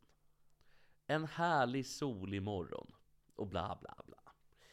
Sen så kommer jag till en fri parkering, stora bokstäver. Jag tänker väl att jag går in ändå. Det står att man behöver p-skiva. Men jag tänker väl att det behövs väl ingen p-skiva. Jag kommer tillbaka efter att ha handlat den här sola, va- eh, soliga varma morgonen. Där står en bot, eller som det heter, eh, vad är det det heter nu igen? Fan det har jag skrivit upp här. En bot. Nej men det heter, det finns, det heter något annat som han har gjort inom citationstecken. En an- anmärkning. Ja, någonting så här. Parker, jag tror det heter parkeringsanmärkning eller något Ja, sånt ja, där. Ja, anmärkning. Inom citationstecken Men då. det, är det gratis med en sån? Nej, den kostar 400 kronor då. Jaha, okej. Så det, fin- alltså en liten bot eh, eh, heter anmärkning och är billigare Alltså, då? som, Nej, alltså, det, är, det är bara att det heter, det heter alltså inte får jag en bot. på 400 bara så är jag Men jättenöjd. det är ingenting. Nej men det heter så här parkeringsavgiften, Ja, det heter ja, ja, inte ja. böter. Nej. I alla fall så säger han då 400 kronor. Fast jag har gjort rätt för mig. Det heter ju fri parkering. Jag har gjort rätt. Ja. Eh, och då är han förbannad. Det är bara det att du har ju inte gjort rätt. Det står ju tydligt att du måste använda parkeringsskiva. Det är ju en del av själva avtalet. ja, men så är det ju. För, för att man ska kunna stå där dygn efter Ja, dygn. och annars ska ju vem så, precis då, vem, Ja, när inte som dygn helst. efter dygn, men... men Ja men du, i ja. princip kan det stå Ja, dygn ja, efter Vecka, dygn. vecka efter Ja, vecka då. Ja, vecka efter Ja. vecka. Ja, men vecka efter vecka. Och, han st- och, och ge- ge- genom att det där är ju liksom, för att få en fri parkering, då måste man ju eh, följa de här reglerna. Ja. Så det är ju helt obegripligt, tycker Och är jag. det här en idrottsman då? Som, som Nej, det här är bara en gubbe i mitt i. Men det där, tycker jag, det där är ju begripligt att han får denna enormt lilla bot. Eller hur? Han kan vara jättenöjd. Han ska vara nöjd för de här fyra... Fan, då är det begripligt. Då är det, då är det två och två mellan begripligt Nej och men det var ju det var själva inlägget jag syftade på. Ja, ja. Det, det, är. Ja, det- det var, var inte helt obegripligt för att när han säger så här att man får betala, det stod i en bildtext för jävligt att man behöver betala fast man har rätt för sig. Du har ju inte gjort rätt för dig. Du måste ju förstå att Visst det är är så. gubbjävel. Sånt här skulle min farsa kunna hålla på med. Jag visste, jag, det stod att det var fint med dig. Och du, tror jag, jag tror att du kommer vara ganska lik din farsa när du är i Jag är hans... helt säker Det hör jag redan nu. Fast jag kommer ju tvärtom vara, jag, jag orkar ju inte. Om jag får en parkeringsbot, då betalar jag bara så, Ja, ja. så skiter jag i det. Men farsan skulle ju kunna i princip åka upp på eh, Stockholms stad. I alla fall hota om det. Hota när han Du, ring, du, kommer, ju- ringer du, i du, växeln. kom, du kommer ju inte in där utan passerkort. Vet du. Nej, nej. Det nej, han kommer inte heller in då. ja, nej men det var i alla fall lite kul, en liten kul sån här notis då jag har Ja, läst. det var det. Eh, en annan grej som det har varit lite, dålig stämning, ni båda är väl AIK-are? Eh, Inte Mats, Hammarbyare kanske? Hammarbyare. Men Olle här är ju AIK-are. Ja, att eh, Nabil Baoui inte får fortsätta. Ja, och det här har ju tagit hus i helvete på hans Instagram-inlägg. Eh, för det visar nämligen så här, eller det visar sig, att eh, Bilal Hussein, som är en annan spelare i AIK, har gjort två gubbar som är typ, ni vet så när man sätter handen för ansiktet. Pratar du emoji nu eller? Ja, precis. Precis en sån här emoji-smiley. Åh, den här, åh, emojin. Eh, För, för att va- va- va- Nabbe, som vi säger då, Ja. han skrev att han var besviken Ja, och precis. att han gärna hade fortsatt. Då- men, men det måste ha fallit på att han hade för höga lönekrav för vad de tyckte. Alltså, för något måste, Säkert. för, eftersom Men- det kom så sent. Men då har Bilal Hussein gjort den här emojin. Ja. Som att, för fan, hur fan tänker ni AIK? Okej, mot AIK eller mot... Mot eller mot AIK. Nej, okej, ja. Mot Så att AIK. AIK har gjort fel, det är det han menar. Han menar att AIK, det- han tycker att det är obegripligt. Jaha. På tal om det. Eh, Nej, att, det, är, det är begripligt tycker jag. ja, ja men det, det kanske, Det är det. men, men jag tycker... 3-2 Ja, pre- precis. till begripligt. Ja, och, nu börjar jag tappa räkning, vilka som, vad som är obegripligt. Nej, det Ja, är jag ingen fara. Men att, att den är nabbe då, om man ställer för höga krav, mycket begripligt. Alltså AIK har ju många nabbar. Ja, han är skadad mycket och han är inte lika Ja, bra längre. Så, men, men, men okej, men berätta, vad, vad har, du- vad har Jo, detta lett till? det har lett till en storm i AIK, i sportleden. Folk tycker att den här Bilal Hussein är dum i huvudet. Vissa tycker att AIK har gjort De tar fel. alltså AIK som klubbsparti mot Bilal Ja, Hussein. det skulle jag påstå. Det här är som vanligt rasar i någon form av Twitter-debatt som är så otroligt... Eh, jag hatar Twitter-debatter. Jag mig aldrig in i sådana debatter. Men, men eh, det- folk gör gärna det. Och det är som att på Twitter, då är det som att folk har glömt att det finns en person bakom. För folk är så jävla elaka. I vilket fall då så är det bråk, och jag tänkte att vi ska föra in här på stora bråk inom fotbollsvärlden. Och då ska ni få ge en liten, det kommer en liten lista från mig. Det är Ja. topp trea. Ska vi lista dessa tre? Jag kommer lista tre, Ja. och så kommer ni få diskutera kring det. Ja. Nummer tre på listan. Fotbollsspelarna Teddy Sheringham och Andy Cole var ju lagkamrater i nästan tio år. Gjorde, I, I eh, Manchester United. United, ja. Och Sheringham spelade också i Djurgården ett tag. det gjorde han också. Han spelade också i Tottenham tror jag. Ja. Ja, i vilket fall spelade han i United då. Det gjorde också Andy, Andy Cole. Eh, de gjorde väldigt många mål tillsammans. De har setts fira tillsammans. Sa inte ett ord till varandra. Jaha. Från dag ett. Jag menar. hade ingen aning om det. Alltså typ 1993 till 2000. Nyhet Det är en nyhet. Nyhet Ja. igen, nyhet igen. De sa de hatade varandra, men på något lågintensivt sätt. Oj. Så de kunde bara inte snacka. Det gick liksom Varför var det inte. så? Det är ingen som vet. Någon måste ju veta. De kanske vet. De vet. Jag, jag kan, kan det vara så att... Kan det vara så enkelt att Ted Sheringham var rasist? Nej, tror jag inte. För han spelar med andra svarta, det är det jag tänker. Alltså, Nej, det tror jag inte. jag tror han bara tyckte att Andy Cole var... Fan vilken, vilken fitta han är. Men, Ja, det kanske gick... Det, det var kanske konkurrens om platserna och... men fotbollsspelare, det finns ju många fotbollsspelare som inte är så sugna på att snacka överhuvudtaget faktiskt. Att det kanske inte är så enormt Nej, och sen så är väl uttrycket confirmation bias va? Jag menar om, tänk om Sheringham tycker att Cole är ett, ett rövhål, ett riksarsle. då kanske Cole tors, eh, tolkar det som att det Ja, beror men på att han är vad rasist. vad man- själva, för att han är svart. Själva verket kanske han bara tycker illa om honom som person. Alltså vad du gör på planen, Så kan det mycket väl vad vara. du gör på planen och, och, och privat, det är så otroligt stor skillnad. Alltså är du bra i fotboll så accepteras du ju alltid jättestort, även om du är ett praktarsle faktiskt. Alltså, gör du bra saker på planen så är allting förlåtet, så är det. Det är väl lite, om vi pratar Håland, det är väl lite sån, får man gissa? Eller? Ja, men det är kanske lite så. Han Är han en van der Poel, hörru, Haaland? Jag vet inte. Nej, Jag tror han är mycket, mycket värre tror jag. Eh, om jag ska vara... Fan, det är bara vi som tycker illa om Nej men alltså, Hå- Håland som man har sett upp, Håland som man har sett upp till i så många år här nu. Allt från tiden i, i, i, eh, i framförallt då i Dortmund, Dortmund. Dortmund. naturligtvis som jag såg honom jätte, jätte, jättemycket. Och, och City-framgångarna och landslagets framgångar alltihopa det där. Att han skulle vara en van der Poel? Ja, det visste jag absolut inte. Nej, nej men eh, jag vet inte riktigt. Och jag vet inte om van der Poel är det. Det är bara känslan. Jag gillar bara inte honom. Nej. Och det var, det, var nummer, det var nummer tre på listan. Ja, nummer två på listan. Ja. Eh, det finns ju många, det här är lite, lite samma låda. Och det finns ju många sådana här typer av bråk som har varit länge och så vidare. Men eh, ett bråk, det är sällan det visar sig på planen. Men jag tycker vi spelar upp ett klipp här, eh, när eh, bråket så att säga tog sig in på planen ordentligt. Still to go. Oh, there's a fight going on here between two Newcastle players. Kieran Dyer and Lee Bowyer are having a fight. Goodness me, what on earth is going on? I have never seen such a thing. Lee Bowyer and Kieran Dyer suddenly were at each other's throats. Ja, det är Men alltså... då- det var väl alltså samma tjej va? Nej, Nej. det var, nej, nej, nej. Berätta då, vad var det? Utan det här är fotbollsspelarna eh, Lee Bowyer och eh, Kieran Dyer. Ja, det såg jag. Ja, ja, eh, men bara som lite um, kontext då. Eh, Kieran Dyer var ju länge en av de kanske bästa fotbollsspelarna bortom elit-toppskiktet. Alltså de absolut bästa. I, precis under, lite som Graham LeSaw. Under landslaget. Han var med i Det så landslaget. många snygga mål. Ja, ja, det- ja, verkligen. Och dessutom var ju Kieran Dyer med lite grann i Ja, landslaget. just Lee Bowyer spelade i Leeds många år, Newcastle, var en väldigt bra spelare. Eh, men har ju haft klammeri med rättvisan. Han och Woodgate anklagades ju för, även om de blev dömda, jag tror att det bara var anklagelser. Eh, men för att ha mm, typ var, gjort rasistiska Är det uttalanden. som är inte Watergate-skandalen utan Woodgate-skandalen? Ja, det, precis. Ja, Jonathan Woodgate då, som också spelar landslaget. När hände det här? Det här är typ 2003 eh, och det som händer är alltså att Kieran Dyer och Lee Bowyer börjar alltså fistfightas. Det blir Jag har inte rent, sett det, det var kul att se. ja, Att det är de rent, slogs ju det är verkligen. rent barslagsmål på planen. Det är Och- så ovanligt alltså. Det har inte förekommit eh, i Sen du- Premier sen League- du och Hyland. Pre- Premier League, sen Hyland. Men inte i samma lag. Nej. Alltså man har ju sett att typ när Gattuso och han, vad heter han, Ledley eller vad fan, i Tottenham, när de fightas och Gattuso står såklart som en feg, hal fisk och gör någon, försöker göra någon lavett liksom.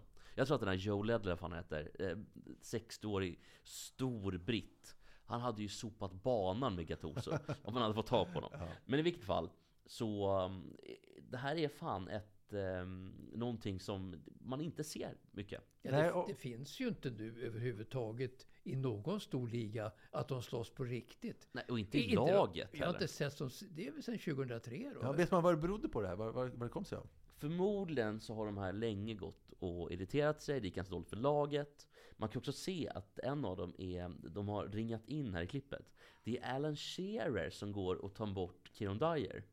Men Bowyer, då är det Gareth Barry i Aston Villa som tar bort honom. Jaha, Så det, intressant. det är speciellt. Men Gareth Barry också, många år i landslaget, eh, spelat mest matcher i Premier League tror jag till och med. Oj. Väldigt så här, pondus. Ser lite ut som Joey Barton. Ja, okej. Eh, som också är, honom kan man ju ha specialavsnitt om. Joey Barton. Totalt tok. Ja, men det var i alla fall Det var nummer två. bråk nummer två. Ja. Ni ska få bråk nummer tre. Det var ju så här, eh, eller det finns en klubb som varit med i mer sexskandaler än någon annan klubb. I England, eller kanske i världen till och med. Vet ni vilken klubb det är? Nej, jag vet inte. Eh, nej. Det är klubben eh, Leicester City. 2015 var man med i en eh, sextape eh, och en racially charged orgy in a Bangkok hotel. The- it was a peer catastrophe for Thai-owned Leicester City. Eh, but it pro- proved an unlikely turning point in the journey to be top of the Premier League och så vidare. Det var ju precis innan de vann. Men 2004 så var ett gäng spelare med i en annan skandal i La Manga. När de blev arresterade för våldtäkt. Senare visade sig att de här hade blivit, om jag inte har missuppfattat här nu, då får folk skriva in. Att de har blivit eh, framade. Det var spelarna eh, Keith eh, Gillespie, det var Frank Sinclair och det var Paul Dickov. Som då hade varit, eh, ja, på natten då hade man helt enkelt eh, varit med prostituerade. Eller i alla fall, jag tror att det var inhyrda prostituerade som hade gjort det här och försökt få dem, eh, jag vet inte om utpressning eller vad det Och kan det är vara. det man gör med prostituerade, man hyr prostituerade. Jo men de var inhyrda av någon annan. Jaha, okej. För att Vem, vem hade gjort det här för att sätta dit spelarna? Ja, det, det kom, jag vet faktiskt inte vem det var. Eh, men de här tre i alla fall. Det finns ju bilder på det här. Här kan ni se bilden då efteråt. Det var ingen kul bild. Nej, och framförallt kan ju våra lyssnare inte se bilden. Nej, men det ska vi lägga ut på Instagram tänkte jag. Eh, så får folk se då hur det såg ut. Jag har aldrig sett en spelare som Frank Sinclair skämmas så mycket. Väldigt tråkigt. Men det här blev i alla fall en jätteskandal och det var flera stycken som fick sparken. ehm, av de här såklart. Och ehm, det här ändrade lite grann Premier League-synen på... Det här var ju inget bråk, det här var ju en skandal. Men det ändrade lite grann synen på såna här julfester och sånt. Ja, just det. Det var just här var nog första liksom Ja, det. vändpunkten för när man började kasta ut de här eh, julfesterna och allt. eh, Ja, inga trevliga fester helt enkelt. Det var, ju, det var ju då Johan Mjällby berättade i tidningarna vad som egentligen hände på julfesterna i, i, i England. Och det är ju borttaget, det är borta helt nu. Ja, Men det är väl den stora ekonomin. Man putsar på företaget Premier League nu. Transparens och värdegrund och alltihopa. Dessa stora företag. Det får inte förekomma sånt där överhuvudtaget. Inklusive slagsmål. nej, men jag tror att just den här händelsen, den var så definierande för det eh, årtiondet och vad Premier League, v- kanske vad Premier League blev sen. För då var Premier League fortfarande, det var liksom strax efter Tuesday Club med Tony Adams, det kanske var sent 90-tal. Eh, och det fortsatte med, med och så var det spelare som Joey Barton, Paul Gascoigne, eh, liksom galna genier. Och sen har du väldigt mycket pengar och du tycker att du, får, att du äger världen. Jag vet inte vad de har gjort. Alltså, men de är inte dömda för någonting. Och det verkar i alla fall att det finns teorier mi- åtminstone om att de blev klassiskt framade Ja, ja, ja. för det här. Men det var i alla fall en eh, väldigt stor, stor skandal och viktig i vändpunkten. För nu är Premier League, det har ju blivit bättre. Folk super inte lika mycket. Sen Nej, är det ju det- idioter som Mason Greenwood, men det finns i Alltså, alla den- samhällsskikt. Den med Greenwood är ju något av ett, av ett undantag. Det blir nog mer och mer salongsfejt i Premier League över åren som kommer här tror jag. Eh, För att de är så rädda över ska- skandaler naturligtvis då för ekonomins skull. Vad är det senaste med han Greenwood? Är, vad, vad, för han var ju en talang som, som ju gjorde bort sig. Men Till- vad är, vad Han är är, är, han borta för alltid? Eller Till och, kommer med han engelska, till och med engelska landslaget. Ja, jo. Är han, borta är, för alltid? Han är nog borta för alltid. Eh, och det verkar ju som att han ändå är häktad. Han, får inte, han har utreseförbud tror jag. Så, så att jag tror Så, att... så han sitter inne? Alltså, in, han är inlåst nu? Nej, jag tror han sitter Nej, i- häktad. i- i- Ja, Jag så vet- är man häktad så är man inlåst. I väntan, på, ett Ja. av, I väntan på ett Jag avgörande. vet Ja, fan okej. inte om han är... Han har i alla fall varit häktad. Jag vet inte om han är det nu, för då Han har sitter inte- man ju inlåst. Han har ja. inte dömts i alla fall. Nej, man kan ju sitta i husarrest kan man ju sitta. Ja. Men jag vet faktiskt inte hur. Men han har lämnat in passet tror jag. Ja. Eh, I alla fall så, det här var liksom definierande för den perioden i Premier League. Och det var en jätteskandal såklart i La Manga. Eh, men det var listan. Ja, det var en trevlig lista. Man gillar ju listor. Ja, det gör man. Man vill alltid se, höra nästa. Jag vet. Och man, nu har vi ju fått ettan. Ja. På tal om listor. Mats Sandberg. Ja, Oj, tackar, oj, tackar. oj, oj. Ska du få en jingel också? Mats?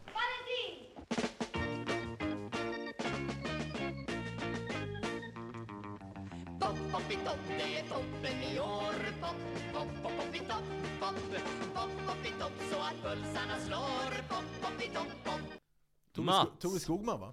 Tore Skogman. Sveriges största glugg någonsin. Ja. Hallstahammars stolthet. ja. Ska vi berätta Ja. om, om listan? Vad är det för lista? Du Det är ändå- alltså en lista över de fem bästa fotbollsspelarna genom tiderna. Eh, fem, nummer fem, eh, plats nummer fem på listan var Johan Planning for your next trip? Elevate your travel style with Quince. Quince has all the jet setting essentials you'll want for your next getaway, like European linen, premium luggage options, buttery soft Italian leather bags, and so much more. And is all priced at 50 to 80% less than similar brands. Plus, Quince only works with factories that use safe and ethical manufacturing practices. Pack your bags with high-quality essentials you'll be wearing for vacations to come with Quince. Go to quince.com slash pack for free shipping and 365-day returns. Cruyff. Och idag är det plats nummer fyra. Mats, Eh, take eh, us eh, away. eh, eh, bakgrund bara. Pelé har ju avlidit som alla vet just före nyår. Och eh, vi är nästan vid ett nytt år. Och Ballon d'Or är en stor sak eh, som delas ut. Och det gick till Benzema senast. Eh, men det finns i mitt, i mitt förmenande fem spelare i världen som håller som utkristalliserar sig från övriga som Zinedine Zidane, som Benzema, eh, som eh, andra stjärnor. Ska du dra listan nu? Vi har precis Ja, varit ja. nummer fem var. Ja, Nu kommer nummer fyra. Nummer fem, Ja. vi pratar alltså om, om Johan De Cruyff. då. absolut bästa någonsin. Totalfotbollens fader Johan Cruyff på femte plats. På fjär- fjärde plats så har jag Cristiano Ronaldo. Ronaldo som har tappat en del genom en del personliga skandaler etc. etc. under senare år till, till Messi faktiskt. Eh, och VM för Messi så stärkte ju Messi sin placering före Ronaldo. Ronaldo föll på Madeira då 1985, så han fyller faktiskt 38 år nu inom någon månad tror jag bara. Och är naturligtvis slut då som fotbollsspelare. Och hans stora flytt då till Saudi stärker ju inte hans namn direkt. 2,2 miljarder. Får jag fråga dig bara Mats, om det nu hade varit så, nu var det ju Messi som blev världsmästare och, eh, och blev VM-kung. Om det hade varit så att i det här VMet, om Ronaldo hade tagit Portugal till VM-guld, hade du då satt Ronaldo före Messi på, på den här listan? Tror du? Ja, Jag tror att hans vandel då, alltså Ronaldos vandel ligger honom i fatet. Att ta in så stora pengar från Saudi, det sänker honom fast det, ja i, i allmänhetens ögon. Jo, men den här listan måste ju ändå handla om hur skicklig man är som fotbollsspelare. Ja, men, men det, det, det, det spiller ändå över tror jag. Att, eh, han är ambassadör för en Saudi eh, VM eventuellt eh, 2030 eller senare. Och, och han är också eh, promotor för, fotbollen i, i, i Saudi och så vidare och tar in så mycket pengar av det. Så att, och dessutom det är skandaler faktiskt. Jo, men, men det, det är din lista, så du bestämmer ju kriterierna för listan menar jag. Ja, dessutom en del eh, skandaler med, med, med, med kvinnor och så vidare som Ronaldo varit utsatt för under år och kommit undan på ett obegripligt lätt sätt. Så jag har alltså Messi för Ronaldo. Men Ronaldo är ju i min värld ändå en komplett fotbollsspelare. Eh, Messi kan ju inte nicka. Ronaldo är en världsstjärna att nicka. Gjort så vansinnigt mycket mål. Så att det är svårt att sätta Messi före Ronaldo på många sätt. Men VM eh, senast nu kanske vägde över lite till Messi. I alla fall i min värld. Men Ronaldo då har ju gjort fantastiska, fantastiska avtryck i världsfotbollen. Eh, allt sedan han föddes på Madeira då 1985. De har de fem Champions League-titlar, eller sex ja, gode gud, jag menar, eh, han var med i Manchester United i början på alltså 2008, de åren, och gjorde en fantastisk succé. Real Madrid, otrolig stjärna. Och, och eh, sen då eh, nedgång naturligtvis i United. Kommer du ihåg när det började? Eh, hans, liksom, vad, vad säger man, strapatser på, på, um, på sidan om fotbollsplanen. Det var ju när han köpte, han köpte nästan rättigheterna till ensamrättigheterna till sitt eget barn. Han betalade den här kvinnan för typ 100, alltså typ 100 miljoner för att han skulle få ensam vårdnad och hon aldrig skulle tjafsa igen. Sen kom det fram i efterhand då, den här våldtäktsskandalen. Eller det som i alla fall anklagas som våldtäkt. Sen har det då varit det här med Ten Hag såklart och, och, liksom, och massa andra grejer som... Piers, och sen, Piers Morgan. Men, men, men det, jag kommer ihåg med- Ronaldo i alla fall, det var ju då Och Saudi. 2013 inför alltså VM-kvalet inför VM 2014 då i Brasilien. När han ensam slog tillbaka Sverige på gamla Råsunda stadion faktiskt. Med fantastiska mål! Det var inte klokt hur duktig han var liksom. Vem försvarade på honom? Eller vem eller vilka var det som försvarade på honom? Ja, Olof Mellberg va? Ja, Eller var Mellberg och company. Var det för sent kanske? Och, och hur han satte det avgörande målet mot Sverige då, när han över halva plan gjorde ett genombrott och spelade förbi den svenska målvakten på ett fantastiskt sätt. Så att alltså, Ronaldo är ju ett otroligt fotbollsgeni i grunden. Visst är det så? Jag bara fråga så här, om Ronaldo hade suttit här bredvid dig Mats och han ha- hade fått höra live att du placerar honom som nummer fyra eh, som eh, på listan över världens bästa fotbollsspelare genom tiderna. Vad tror du han hade sagt till dig? Vad tror han hade gjort med dig? Ja, han kan nog eh, kanske förstå eh, de tre i toppen. Det är mycket möjligt att han hade gjort det. Och, och, och sådär. Men det är klart, han hade nog tyckt att han är värd en bättre placering. Det tror jag Han absolut. kanske också hade betalat Mats 100 miljoner för att ta honom längre upp på listan. Ja, ja, jag, jag har svårt att tro att han skulle tycka att det var eh, Men- överensstämmande Jo med men han också, själv i hans värld så är han bäst på allt. Han är bäst på, att, um, han är bäst på fotboll, han är bäst på barnfostran, han är bäst på att ligga, han är bäst på allt. Jag tror att det här är en fruktansvärt farlig människa. Ja, Vem, vem är värst eh, som person? Nils van der Poel eller Ronaldo? Van der Poel 100%. Van der Nej, jag tror, att- jag tror att det är men, men, Ronaldo. men, men Ronaldo har ju också ett, ett utseende ungefär som Beckham som går att sälja och så vidare. Så att det är värt otroligt mycket pengar i Be- Saudi. Beckham ser ju bra ut, Ronaldo ser, Ja, han ser Ronaldo- plast ut. Ronaldo ser Ja. som en Ken-docka. Ja, som en Ken. Ja, jag tycker ändå att eh, de kan jämföras utseendemässigt, En dessa båda nyhet för mig Mats, att du tycker att Ronaldo är världens vackraste man. Det var en nyhet för mig, det var roligt att höra. Det var, skulle du ligga med Ronaldo Mats? Jag tycker att han är världens vackraste man, punkt slut. Hörni, det har varit en ynnest att få tala med er idag. Eh, vi lägger på nu, lägger på, vi avslutar sändningen helt enkelt. Eh, och Olle, vi ses ju lite senare. Ja. Mats är såklart också välkommen om, om han vill följa med. Men nu har vi lite, jag ska på ett möte. Men hörni, tack för idag. Tack. Tack. Och vi ses nästa vecka. Avsnittet bör ju heta Världens vackraste man. Ja. I särklass. Ja, det borde det heta.